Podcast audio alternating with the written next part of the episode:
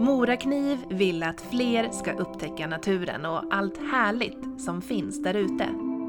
Kvinnliga äventyrare jobbar för att inspirera tjejer och kvinnor att upptäcka sina alldeles egna äventyr.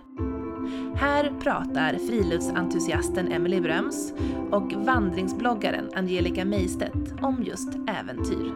Om vad äventyr egentligen är, hur friluftsliv fungerar, jämställdhet i naturen och helt enkelt vad som händer när vi kliver utanför dörren.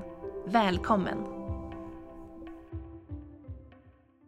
Hjärtligt välkommen till Kvinnliga Äventyrare Podcast. Nu är det snart december.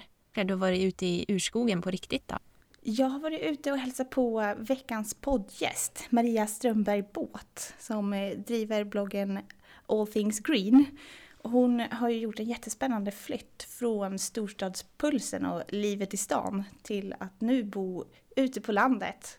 Och för att kunna hälsa på henne, då fick jag köra så långt att eh, vägen tog slut. Och ni har pratat om massa spännande saker.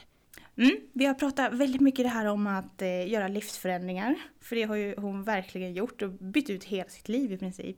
Och sen så vet jag att ni har pratat väldigt mycket om att kunna andas, om skogen som trygghet, om mindset och målinriktning. Och sen det här om att inte åka till drömmen på helgen utan faktiskt se till så att man har sitt drömliv här och nu i vardagen också. Ja, men leva livet som man är menad att leva, oavsett vad det är.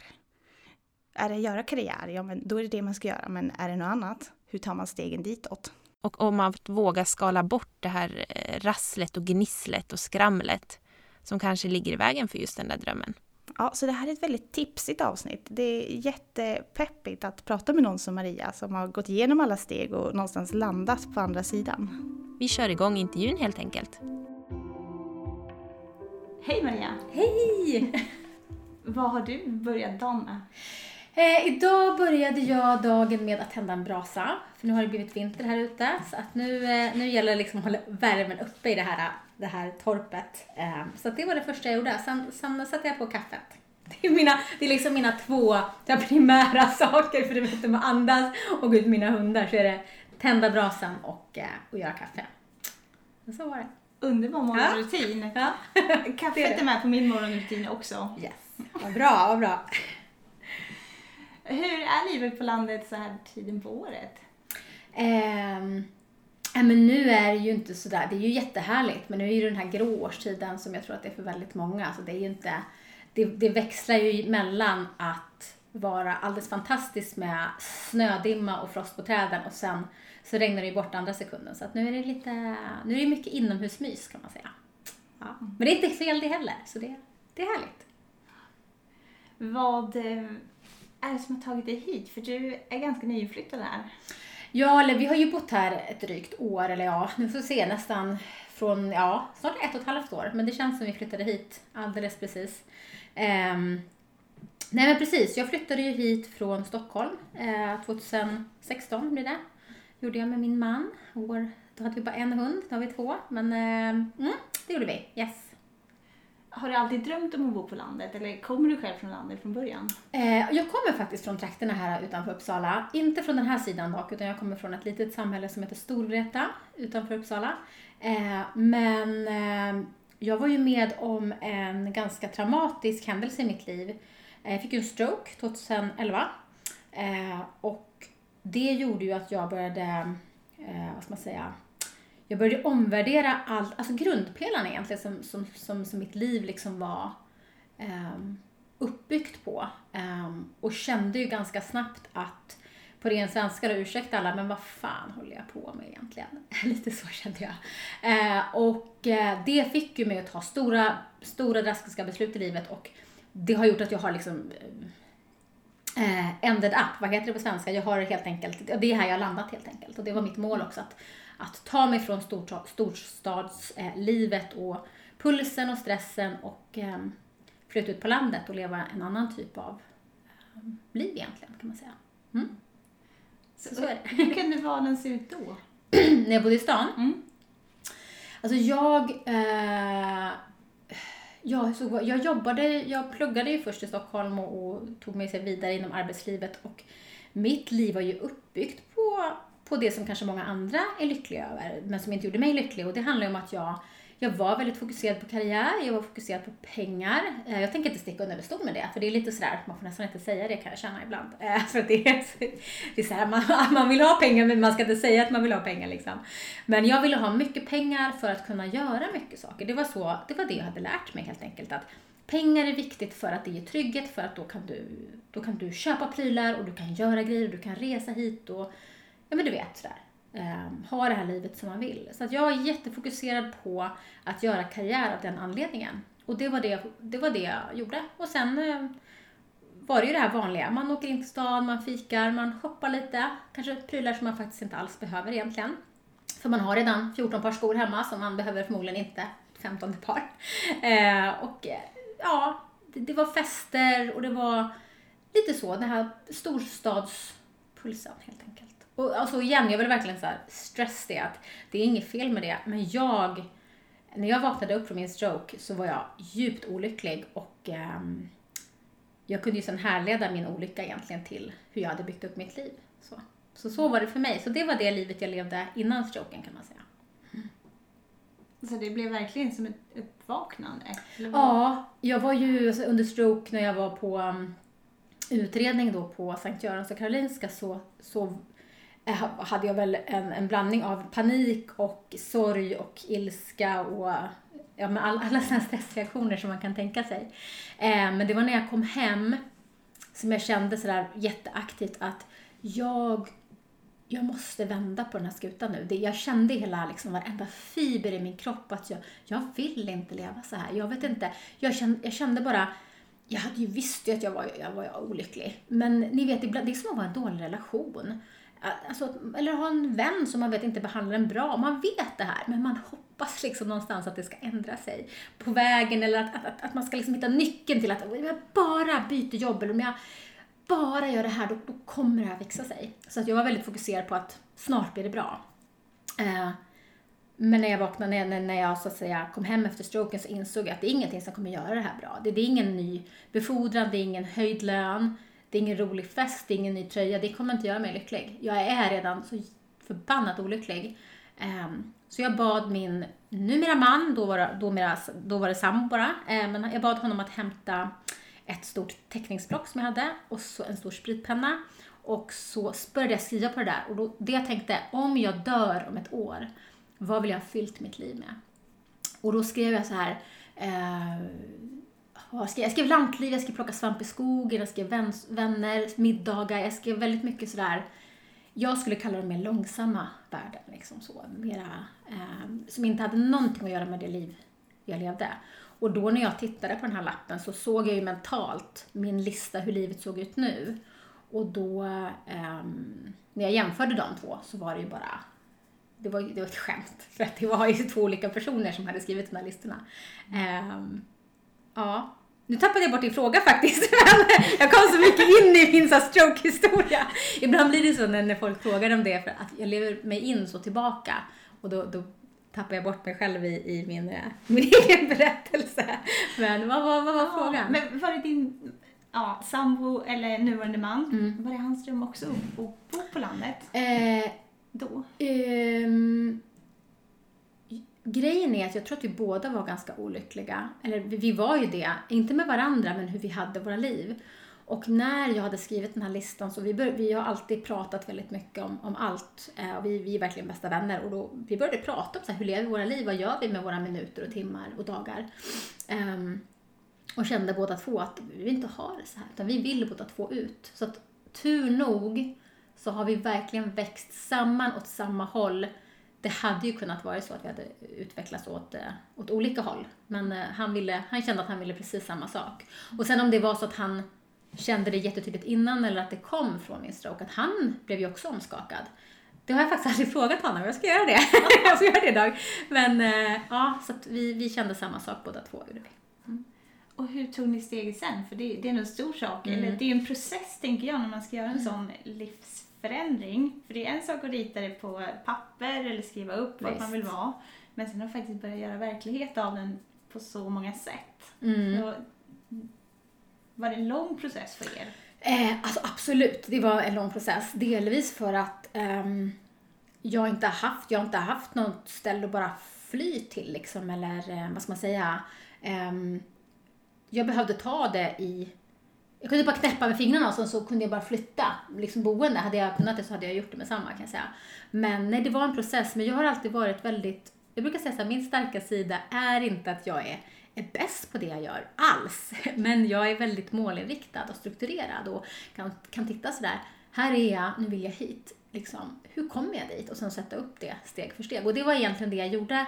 Men eh, jag gjorde det delvis medvetet och delvis omedvetet kan man säga. Så att jag, jag, jag satte upp så här, det här ska jag börja med och så började jag bara göra det. Jag tog det kreativa. Jag ska börja vara kreativ.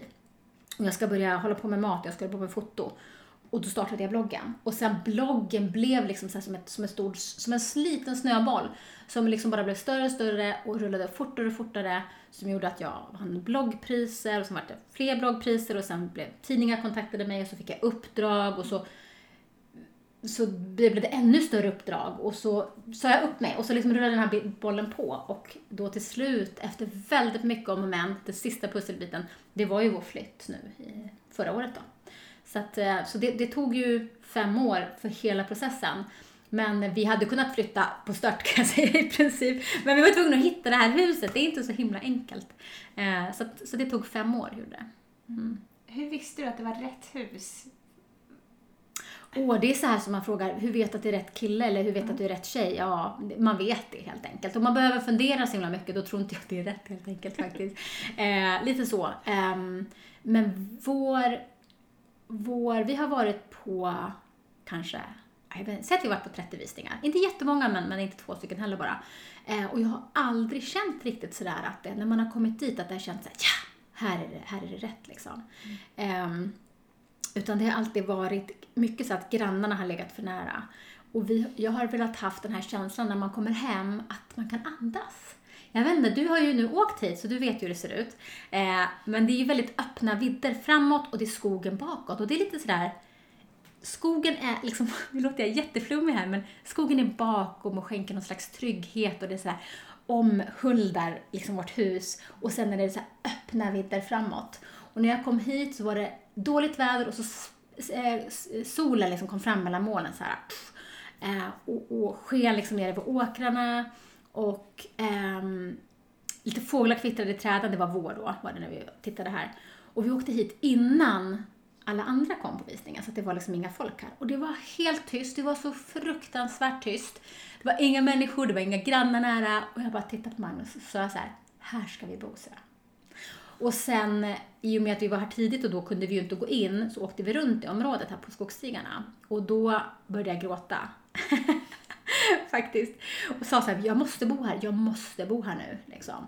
Um, och Magnus, min man, han är lite sådär, ja vi ska försöka. Nej, sa jag, här ska vi bo. och han liksom såhär, okej, okay, här ska vi bo tydligen. Men det är för att jag är väldigt, som jag sa, jag är väldigt målinriktad jag ska lära mig att stå på händer, då kommer jag lära mig att stå på händer. Det, det, det låter jättekaxigt, men, men det är min mindset, är så. Om jag vill någonting, då kommer jag få det att funka liksom. Och nu bor du här? Ja, nu bor jag här! Yes! jag hade rätt och jag vann. Nej, men ja, det känns fantastiskt faktiskt. Ja, men det var nog väldigt speciellt att köra hit i morse. Mm. Ja. För det var dimma över granarna mm. när man körde längs med vägen. Och sen kom jag hit och så sprack molnen upp och det var alldeles ja. blå himmel.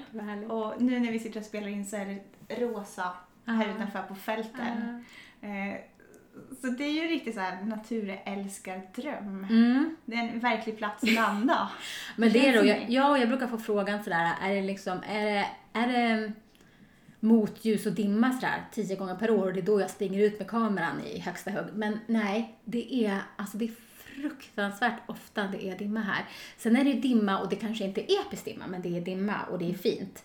Eh, så att det är faktiskt, jag blev förvånad, jag visste ju inte det när vi flyttade ut, men det är väldigt speciellt, speciellt väder här ute och det är också Grannen stod ute på farstutrappan här, inte nu, det var när vi hade flyttat hit precis. Och så pratade vi med dem någon dag senare, och sa hon så här, och jag stod här på farstutrappan på morgonen, då hade det kommit ett lodjur så här, förbi vankande så här, tjena, läget liksom.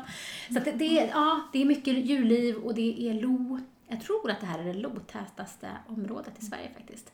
Eh, så det är väldigt, väldigt speciellt. Magnus kom eh, hem här för några veckor sedan och såg en lo på vår tomt. Liksom. Det kan gå älg här genom, eh, genom trädgården. liksom. ja, så det är väl det. Jag vet inte vad det är med det här, men det, för mig är det mitt lilla paradis. Det är en magisk plats, helt klart. Ja, det låter helt fantastiskt. Ja, inte behöva åka iväg någonstans utan naturen och vildlivet kommer hit av sig Mm. själv till och med. Mm. Och jag tror att det är det som är grejen där. Där säger du någonting som ehm, det var min, vis- min vision och mitt mål. Jag vill inte ha ett liv där jag hela tiden ska åka från det. Alltså förstår ni att man har det jättestressigt och man mår inte bra och sen åker man varenda helg så åker man till sin sommarstuga för där mår man bra.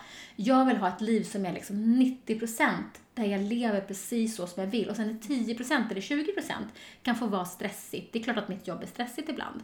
Men, men det är det jag vill ha. Jag vill ha det här, liksom, jag bor här. Så. Och du har ju ett eget uttryck för det här som jag tycker är så himla bra. För du skriver ju Mm. på din blogg All Things Green om naturterapi. Ja, just det. Ja, Att närma sig själv genom Ja. naturen. ja precis. Yes.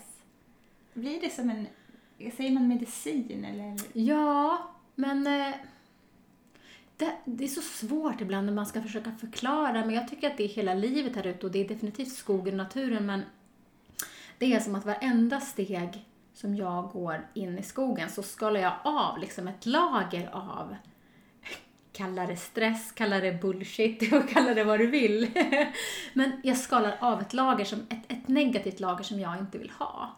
Eh, jag har mycket färre sådana lager här ute än vad jag hade när jag bodde i stan eftersom det inte passade hur jag är som person. Men eh, varenda steg jag tar så skalar jag liksom bort ett lager och jag blir liksom mer och mer den personen som jag är när ingen annan tittar. Eh, när jag inte ska förställa mig, när jag inte ska ta en bild och ska försöka hålla in magen, när jag inte ska försöka se piggare ut än vad jag är här, när jag inte... Förstår vad jag menar? Det, och skogen dömer inte mig, skogen lyssnar bara. Jag kan liksom bli så här, nästan lite emotionell av att, att prata om det bara. att Jag känner verkligen så. Jag förstår att det låter jätteflummigt för en del personer, men för mig är så här, träden är mina kompisar och de lyssnar och de är där och jag känner så här, liksom någon slags ehm, massa trygghet där. Jag får frågan också ibland, men är du inte rädd här ute på landet? Vad, vad ska jag vara rädd för här ute? Liksom? Det finns ingenting. Ska man vara mycket räddare om man åker taxi hem från krogen i så fall? Eh, så att jag, jag tycker att det är ett jättebra sätt att komma i kontakt med sig själv. Mår man väldigt dåligt kan man nog må ännu sämre om man går in i skogen och bara är där med sina tankar. Men jag tycker i så fall är det ett tecken på att det är precis det man behöver. Um, så är jag i skogen, det är, det är absolut ett sätt för mig att komma närmare den jag, den jag är och, och det jag känner liksom att det är inget yttre som, vad ska man säga, du förstår, som, som sådär, jaha, ser du ut sådär eller har du på dig det där eller man passar inte in. Man passar alltid in i skogen. Alltså, den bara, ja, kom som du är. Liksom. Underbart, jag älskar det. För, det kan ju vara ganska mycket prestige i hur klär man sig och sådana saker. Har man rätt utrustning och rätt grejer? Mm. För mig är det just det här med att, att skogen inte dömer och det är även mitt liv överlag som, som jag på något sätt har skapat. För jag tycker det är viktigt att skapa det livet man vill ha, inte bara följa med på det här ekorrhjulet. Och vill man det, ja, men jättehärligt. Vill man göra karriär och vill man jobba mycket, det, det, det ska man få göra. Men om man inte vill det så finns det faktiskt någonting annat. Och ehm, det jag kan känna är att jag åker, nu är det så här, har man varit här så det är ju alltså två och en halv kilometer nästan om jag ska hämta posten, så det är en liten bit. Och då beror det lite på väder och vad jag har att göra. Ibland går jag, ibland cyklar jag, ibland åker jag på min lilla moped som jag har. Eh, men jag gör ju, då går jag ju, alltså jag går ju bara ut. Vi kan ju säga att jag kan ju alltså cykla i underställ och hämta posten. Eller förstår du vad jag menar? Det spelar liksom ingen roll. Ibland tittar jag på mig, herregud, jag, är, någon skulle ju kunna tro att jag har flytt från ett mentalsjukhus i de här kläderna för att det är liksom, det ser så, jag får så anstränga mig när folk kommer hit och liksom, vänta hur, hur kan man, jag ska nog försöka se lite vettig ut nu men eh, så är det ju inte här liksom annars. Eh, och det, det tycker jag är jättebefriande att man bara, det är inte det här som du sa, eh, vad har man för cool utrustning eller hur snygga vandringsbyxor man har man liksom utan, ja, det är bara att komma och vara liksom. Helt underbart. Men du brukar också prata om det här att leva andras förväntningar. Mm. är det också någonting som man kan tänka är mer kopplat till storstadsbegreppen och sammanhang man är i där? Jag tycker nog att nej, jag skulle säga ja och nej, men för mig så handlar det ju om hela vårt samhälle. Vår struktur, det här är min upplevelse, jag är ju 39. Eh, och, eh, min upplevelse när jag växte upp, det var att man skulle liksom, man är, det är som en skock får. Och man är fri och man vill bli allt möjligt stort och liksom, du vet barn när de drömmer om vad de vill bli, så det kan ju vara så, så vitt skilda saker alltså, och de kan hitta på egna grejer som de vill göra. Och sen kommer vuxenvärlden liksom och berättar för en att nej, det kan du inte liksom. Och berättar att nej, nu är det så här Lisa, att det är väldigt viktigt att du pluggar vidare. Och jag säger inte innan alla hetsar upp sig. Det, det kan vara jättebra att plugga vidare. Jag har fruktansvärt mycket högskolepoäng och har ju också pluggat vidare. Men jag gjorde inte det för att jag mådde bra av det eller för att jag ville det. Jag hatade, förlåt, men jag hatade varenda sekund av mina studier. Jag har ju en magisterutbildning inom ekonomi och marknadsföring och jag känner bara, det är bara studieskulder för mig. Det är så jag ser det. Jag, eh, jag ångrar inte, för jag tycker att det är helt meningslöst att ångra saker, utan man ska ta lärdomar av det man gör i livet. Men jag önskar att jag hade kunnat stanna mig själv och funderat lite mer med sans, att inte bara liksom, man ska plugga, man måste göra någonting med sitt liv och då ska man in i den här follan och då ska man, liksom, man, man är någon och man, man ska gärna vara snygg och smal och ha en attraktiv partner och så ska man bo i rätt område och så ska man tjäna mycket pengar och så ska man åka på något härligt ställe på semester. Och du vet, det är så här, man ska bete sig på ett visst sätt för att så är vårt samhälle uppbyggt och det är så, vi, det är så strukturen ser ut, tycker jag. Um, och efter min stroke så började jag ju fundera på det. Liksom. Um, vad är det för struktur? Vill man vara en del av det och göra så, då ska man göra det. Men jag mådde bara dåligt av det. Um, jag vill hellre för mig leva ett liv som är mer avskalat, där jag shoppar mindre, där jag konsumerar mindre och uh, lever billigare, men har mer livskvalitet, mer frihet, mer tid i naturen. Vi vet ju inte hur länge vi har på den här planeten, hur, länge, hur lång tid vårt liv är. Ehm, och efter den här stroken så blev jag ju väldigt, väldigt, väldigt medveten om att, att jag lever inte för alltid. Och då vill inte jag spendera den i, i ett ekorrhjul. Ehm, det passar inte mig.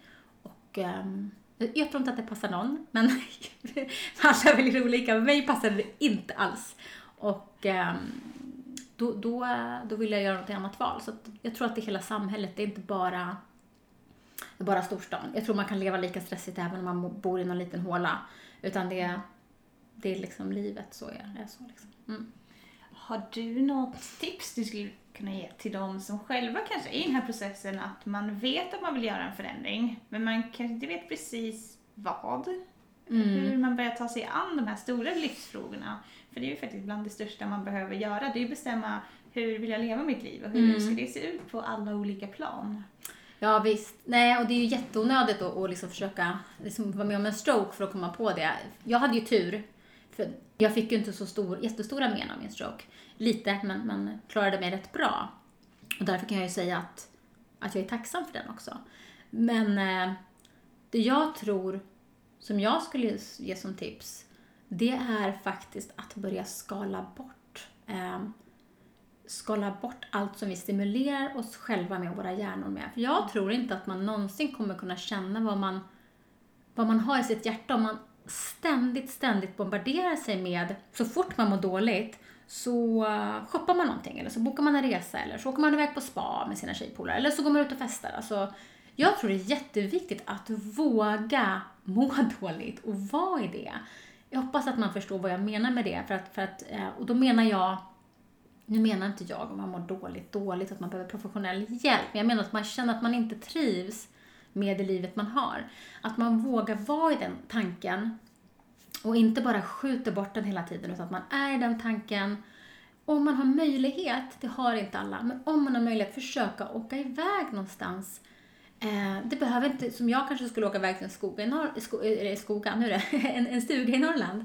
Men det kan vara någon annat, något, något, något annat spahotell. Men åk inte dit med dina polare, åk dit själv. Och fundera lite på eh, vad, vad det, här, det här gnisslet i din själ kommer ifrån. Det tror jag faktiskt är det viktigaste. Så att ta bort, sluta scrolla på telefonen, kolla inte YouTube, läs inga bloggar, posta ingenting, utan bara var i den känslan och försök att och analysera sig själv. Sen är det ju hur många steg som helst, men det tror jag är det första, att försöka ta bort allt, eh, allt sånt här skrammel som vi gör för att distrahera oss från hur vi verkligen känner.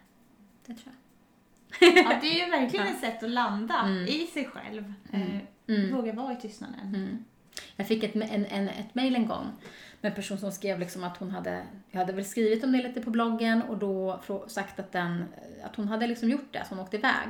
Men att hon mådde så fruktansvärt dåligt när hon gjorde det. Och jag sa liksom att jag är jätteledsen, så här, syftet är ju inte att du ska må dåligt såklart, men det kanske finns någonting i att du mår så dåligt. Liksom, varför mår du så dåligt? Och hon höll ju med om att det är ju för att hon, hon var olycklig. Men hon fick ju panik för hon såg ingen väg ut. Men jag tycker egentligen att den övningen jag gjorde när jag kom hem från sjukhuset, att Försök att hitta ett stort papper och skriv bara fritt. Gärna då när du inte är någonstans där några barn eller partner kan komma och knacka på dörren och störa en. Utan vad vill man ha i sitt liv liksom? Om du bara struntar i, liksom, ja men det är jättebra, det är jättebra att träna säger vi. Men tränar du så pass mycket? Tränar du för att du ska vara smal eller tränar du för att vara hälsosam och att du mår bra av det? Det kan vara en sån grej. Att man känner press av att träna för att man ska vara en viss storlek, ja men då kanske det inte är riktigt rätt. Tränar du för att du vill vara hälsosam för att du, du tycker att det är kul, ja men jättebra, okej. Då kan det vara en sak. Eller um, man, man, man känner sig stressad i livspusslet, okej, vad kan man göra för att, för att få det bättre? Liksom? Att man försöker börja skriva upp så. Jag tror att analogt, alltså med papper och penna, skriva upp eh, sina tankar och vart man vill och sen också komma ifrån den här stressen. Det, det, det är nog mina, mina stora tips. Eh, och säger man att man inte kan så tror jag inte på det. jag tror att alla kan, men man kan behöva stöd från omgivningen också såklart med barnvakt och eller ta en kompdag eller ta en semesterdag eller vad som helst. Men att man ska, jag tycker man ska prioritera sin hälsa. Det är liksom det enda man har. Tro mig, ni som lyssnar på det här, ni vill inte ha en stroke. Nej. Definitivt inte. Nej, det är ett hårt uppvaknande. Mm. Ja. Mm. Och tvingas. Och, det ska man inte vänta på. För det kan gå värre och man kan få mer skador och då kan man inte sen följa de här drömmarna och, och förändra sitt liv på grund av att man har, att man har blivit så pass sjuk. Och det är det ju, det är liksom inte värt det, man säger så. Nej. Men hur ser ditt liv ut nu framöver? För nu bor ju här ute på landet och du har vardagen mitt ute i naturen och du driver din hemsida och bloggen Mm. aktivt, All Things Green. Men vad ligger i din framtid nu? Mm, vad är det som händer precis. hos dig? Ja, nej men eh, jag jobbade ju med mat som huvudsaklig så att säga röd tråd eh, i blogg och, alla medier. Men jag har ju istället för att ha lantliv och natur som sidospår så är ju det mitt, mitt huvudspår. Så det handlar egentligen om att Eh, fördjupa mig och visa ännu mer av det. Men sen är det ju också så att jag i större utsträckning kommer ta andra fotojobb, ehm, söka mig till dem förhoppningsvis. Kanske det finns någon som vill anlita mig också. Men det är mycket ehm, fördjupa mig i faktiskt i min naturfotografi som jag, som jag känner eh, jätte, jättestor passion för. Eh, lantliv och natur och allting som, som har med det att göra faktiskt. Ehm, och eh, sen har jag ju också startat en YouTube-kanal ganska nyligen. Eh, eller startat då, men jag har kommit igång med den kan man säga. Och där är det ju, mitt mål är att visa någonting annat än, än det är klart att det finns kanaler som visar liknande saker redan. Men mycket av det som visas i media är ju lite mer sådär sitteliv och det är liksom, ja, fashion liksom och sådana här saker. Och jag vill visa någonting annat. Jag vill visa lite mera lugn, slow living, eh, leva nära naturen, lite mer så eh, naturterapi, mindfulness eller, eller ja, liknande. Så det är nog, det är mitt fokus framåt. Och privat så ska jag ta körkort. För jag har inte körkort faktiskt. Fast jag bor här ute i, liksom, i slutet av vägen så har jag faktiskt inte körkort. Så är det. Det är otroligt bra att pussla det. Ja. Underbart att höra. Ja. Jag, är ju, jag är ju hemma mycket, så det. Mm. Vad har du buss som går nära? Nära, kan du... det är några kilometer bort finns en buss, busshållplats där man kan säga att det ska gå bussar ibland, men det, ja, det är lite sådär. Men äh, kollektivtrafiken här ute fick sin känga. Men äh, det går bra. Nu är jag ju inte ensam då i min, mitt liv, jag har ju Magnus. Så att äh, han sköter handlingen när han åker från och till sitt jobb. Men i övrigt så är det faktiskt så här att jag är, jag är bara här och i skogen. Människor som träffar mig brukar säga så att de inte riktigt ser att jag är introvert för att jag, jag pratar fort, jag gestikulerar, jag, jag är utåtriktad. Men jag är också ensam 99,9% av tiden. Det är det folk glömmer bort. Så när jag väl träffar någon, så här, äntligen träffat en människa liksom. Nej men, men skämt åsido så är jag ju här själv väldigt mycket. Jag har min studio här, jag jobbar hemifrån. Jag, är också, eh, jag har ju två hundar som jag tar hand om på dagarna, de är ju hemma med mig. Eh, jag har ju skogen här bakom, eh, jag har min lilla moppe, jag har min cykel, jag har två ben. Så jag tar mig liksom ut på de sätten. Jag behöver ingen, eller behöver, jag har klarat mig utan bil och körkort hittills. Men nu känner jag en längtan att ta mig iväg och fota mer och längre bort. Och jag vill åka till Lofoten och jag vill göra en roadtrip genom Sverige när jag ska våldgästa diverse andra bloggare och kreatörer. De bara va? Men, så nu känner jag att nu vill jag ha körkort. Jag kände aldrig det i stan fast jag är 39 så jag har aldrig känt behov av det. Och varför ska jag skaffa det då? Det är dyrt och det tar tid. Men nu känner jag att friheten lockar liksom. Så att, ja, så är det. Men det låter ju verkligen som ett äventyr. Mm. Och många friluftsäventyr du har Ja, i kikan. yes, jag kanske står med med dig. Jag säger ja. Det är mitt nyårslöfte, det är att säga ja Är det så? till Ah, mycket fler Nej, vad kul. Vad roligt, det är jättebra nyårslöfte. Ja. Då kör vi roadtrip. ja, jag är på. Mm. Två andra saker som jag faktiskt ska förkovra mig i, som det så fint är, fördjupa mig i eh, nästa år. ehm, det är eh, den konstnärliga biten av mig själv. För det här är, det har nästan svår, varit svårt att erkänna det här för mig själv, men jag har varit, alltså jag älskar matfotografi, men jag hatar mat, matfotografi. Jag, jag kan inte säga det på något annat sätt för att jag har ju diabetes då. Um, och den förvärras och blir inte bra alls att hålla på med, med matfotografi. Jag vill gärna fota mat men jag vill inte skapa recept själv. Så att jag har försökt att hålla på nu och teamar ihop mig med en annan kreatör som då sköter den delen så att jag sköter bara fotodelen. Men det här gör ju att jag har ganska mycket mer tid åt det här med naturfoto och allt det här. Men dessutom så vill jag jag vill börja måla igen. Jag gick ju konstskola eh, tidigare, eh, i min ungdom tänkte jag säga, men i början av 20-årsåldern så gick jag konstskola. Så att jag vill börja måla igen. Jag har fått så här jättestor längtan efter det. Och eh, jag vill lära mig spela gitarr. Så jag håller på att kika på gitarrlektioner nu. Och eh, det ska bli jättekul faktiskt. Att liksom få djupdyka i någonting som har att göra med det här kreativa. För jag är otroligt kreativ och jag mår jättedåligt om inte jag får vara kreativ eller om jag får vara ute i naturen. Det är nästan så här, vänta nu, ska kaffe, luft och andas. så här, liksom, vara kreativ, natur. Ja, jag satte bra liksom. så att, eh, ja. Men ehm, det ska bli jättekul faktiskt att fördjupa mig i, eh, i de delarna igen. Så. Jag spelade ju piano från att jag var sex år ungefär till att jag var 15. Jag har ett piano som står där ute också. Så det är som att få, få vara kreativ på fler sätt än bara, bara fota mat.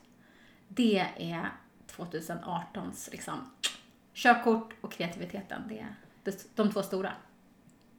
Förutom att jag fyller 40 då, men äh, det är sekundärt. Men har du en ateljé här ute? Alltså, jag har ju... Hur ska jag förklara det här? Vi har ju en lada på tomten. Och då kan man ju... Man skulle kunna säga det som en höskulle, liksom så. Där kan man ju då klättra upp, eh, klättra upp på den med stege. Och där är det ju då så att man kan slå upp två stora dörrar. Och så får man utsikt över liksom åkrarna och allt. Vet du, hållet som när du kom hit på den lilla vägen, det är dit man ser. Så man ser ut hela här liksom. Och då kan man stå och måla där. Så att på sommaren ska jag stå där. På vintern kommer jag ju vara där vi är nu då, där det är min studio, men jag täcker med plast. Så att ja, så då ska jag vara på högskolan och måla och jag ska vara här. Helt underbart. Men du, då får vi hålla utkik efter Ja. vernissage sen. Ja, jag kanske precis kan ha så här hö, höskullevernissage och det kommer tre pers. Men, Jag tycker det låter som jättehärliga mål. ja. Vad roligt. ja, det känns jätte, jättebra faktiskt. Mm, det gör det. Jättestort tack för att jag fick komma hit och podda tillsammans med dig. Det har varit helt otroligt. Det var superkul att du kom hit. Tack. Och tack för att jag fick vara med.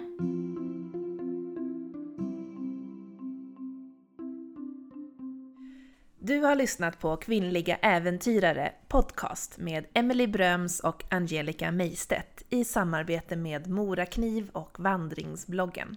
Vill du diskutera vidare så hittar du Kvinnliga Äventyrare på Facebook och på Instagram.